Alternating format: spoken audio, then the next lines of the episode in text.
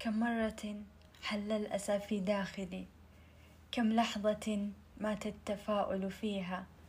فإذا أنا كشجيرة لا زهر في أغصانها لا ماء في واديها فأعود أحيي همتي وبداخلي ثقة برب العالمين تقيها. آمال قلبي لن تموت من الظما فالله من فوق السماء يسقيها. مرحبا. أنا ماريا وهذا بودكاست ضياء.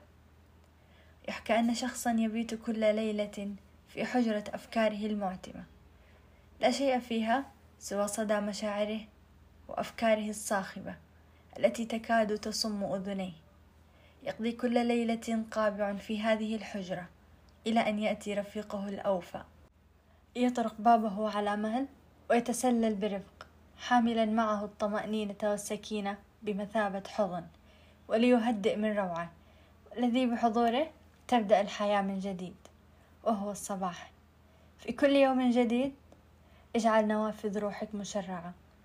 اسمح لأشعة الشمس أن تتسلل إلى أعماقك لتنير عتمة روحك. رتب رفوف أفكارك وارتدي ابتسامتك واستقبل الصباح بكل حب. وطالما أن الصباح أقبل عليك ابدأ من جديد. فأنت قد منحت حياة أخرى.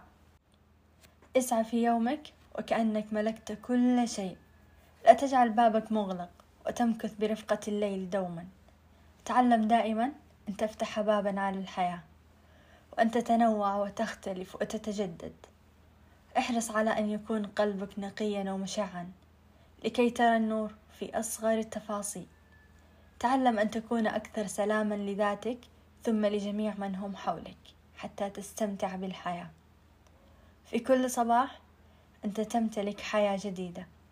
عليك أن تحسن في عيشها. انسى ما مضى ولا تحمل معك أفكارك البائسة. استعن بالله ومن ثم ابدأ بصنع أفكار جديدة. أفكار مليئة بالحياة ومشرقة كالشمس. ولا تنسى أن هذا اليوم لن يعود. وتذكر أن لا أحد يمتلك ضمانات لوجوده. مدى الحياة. لذلك عش وقتك الحالي. لا تفكر فيما مضى ولا تضع وقتك في القلق على ما سيأتي. عيش الآن. اجعل كل يوم استثنائي. اصنع طقوسك الخاصة واخرج للحياة بقلب يملأه الحب والتفاؤل. وتأكد أن الحياة ستفتح لك جميع أبوابها ومن حيث لا تحتسب. فقط امضي. وستدرك حينها أن الواقع أشد وطأة مما كانت عليه أفكارك وسيلازمك التيسير والتوفيق لأنك موكل أمرك لخالقك فلا خوف وهو بمعيتك. وتذكر قوله تعالى وهو معكم أينما كنتم تسلح باليقين والصبر. وتذكر أن لكل شدة مدة ولكل ضيق متسع. هذه هي الحياة. يتعاقب فيها نهار مضيء وليل مظلم. تارة يخارجك الألم وتارة يصالحك الأمل. والله دوما معك.